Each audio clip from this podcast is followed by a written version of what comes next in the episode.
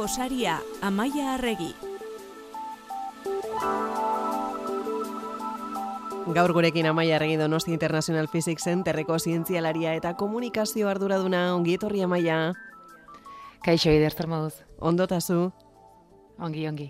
Gaur hitz egingo dugu duela gutxi irakurri dugun lerroburu baten eh, inguruan eta eta harreta eman diguna hain zuzen ere zioena hiru pertsona desberdinen denearekin ernaldutako lehendabiziko aurra jaio dela, ez?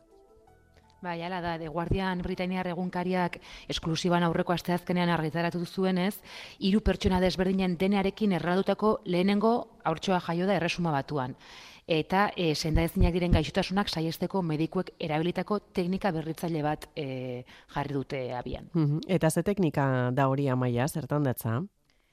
E, ingelesez MDT deritzon teknika honek, e, mitochondrial donation treatment, emakume emaile osasuntxuen obuletako eguna erabiltzen du, in vitro ernalketan embrioiak sortzeko.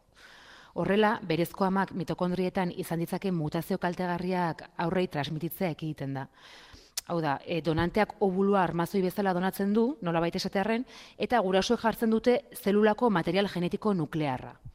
E, erresuma batuko parlamentuak bi teknika garatu eta onartu zituen ematen e, mitokondrialerako.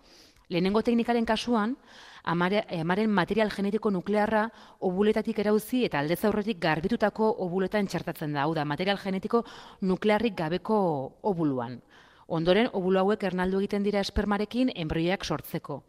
E, bigarren teknikaren kasuan berriz, pausoak alderantziz egiten dira, eta lehen bizi amaren obulua ernaldu egiten da laborategian. Eta ondoren, enbrioia transferitu egiten da donanteren obulu eta itaren espermarekin sortutako enbrioi garbitu batean. E, badirudi, bi teknika hauek berdin funtzionatzen dutela. Azkenean, gauza berdin egiteko bi bide desberdin dira. Eta nolakoa da gero, sortutako aurraren genetika maia?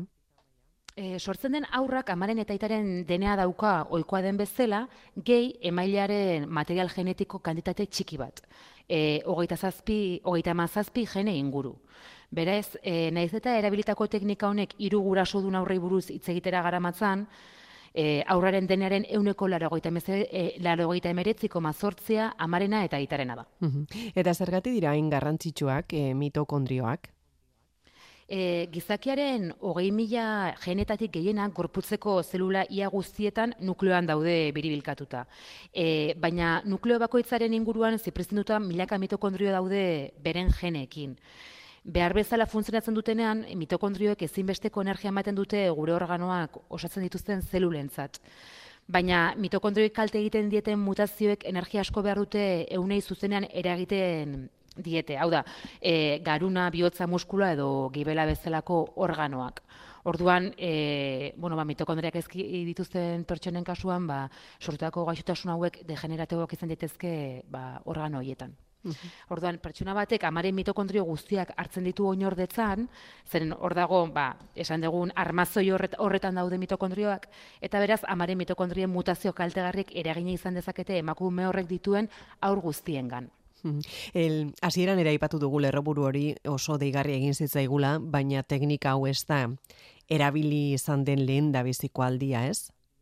E, ez, e, bueno, nik irakurri nuenan, pentsatzen nuen baiet, zenen egia esan ez nuen, ez nuen ezagutzen teknika hau, eta harrituta geletu nintzen horregatik ekarri eta historia gaur, baina badirudi teknika hau mundu mailan lehenengoz 2016an erabili zela Mexikon.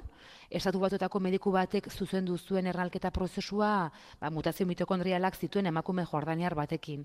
Eta emakumeak lau abortu izan zituen lehenago, eta izan dako aurrak e, sei urterekin eta zortzi hilabeterekin hil ziren, ba, mutazio horrek eragindako gaixotasunek jota. E, beraz, bos, bueno, e, arazo hundiak zituen emakume baten kasua zen. Eta MDT teknikekin egindako aurrerapenek 2008an prozesuaren onarpena ekarri zuten erresuma batuan. Bi urteren ondoren, e, Newcastleko klinika bati eman zitzaion teknika etzindari hau e, aurrera eraman elizateko e, lizentzia bakarra. Eta lehenengo kasua 2008an aprobatu zen. Izatez, onarpena kasuz kasu egiten da eta erresuma batuko ernaltze eta embriologia agintaritzak gutxinez hogeita mar kasutan argi berdea eman, du dagoeneko. Eta teknika hori erabiltzeak badauka arriskurik? Bueno, ba, aurreko astean The Guardianen argitaratu den eh, albiste esanguratsu honetan eh, kontatzen dutenez prozedura ez dago arriskuetatik salbuetsita. Uh berriki egindako ikerketen arabera kasu batzuetan amaren obulutik emailearen obulura ezinbestean transmititzen diren mitokondria normal gutxi batzuk ugaritu egin daitezke umetokian dagoenean umea eta honek gaixotasuna ekar lezake aurrarengan. Baina bueno, nik ulertzen dutena da erregulatu baldin badute, pues bueno, e, garantia handia daudelako. Arriskua txikia dela. Bai. Zein herrialdeek eh, onartu dute, amaia, begiratu duzu hori? Bai, e, kontuan izan behar da orokorrean, bueno, ese, komentatu nahi nuen alde zaurretik, kontuan izan behar dela orokorrean, laguntza bidezko ugalketa tekniken gehiengoak oso, elburu, be, duten helburua aurrak izateko arazoak ekiditea dela. Eta kasu honetan berriz, e, helburua ez da hori, teknika honen helburua, ba, gaixotasunen transmisioa ekiditea da, ez? Orduan, pues, bueno, oza, beste, beste faktore batzuk sartzen dira hor.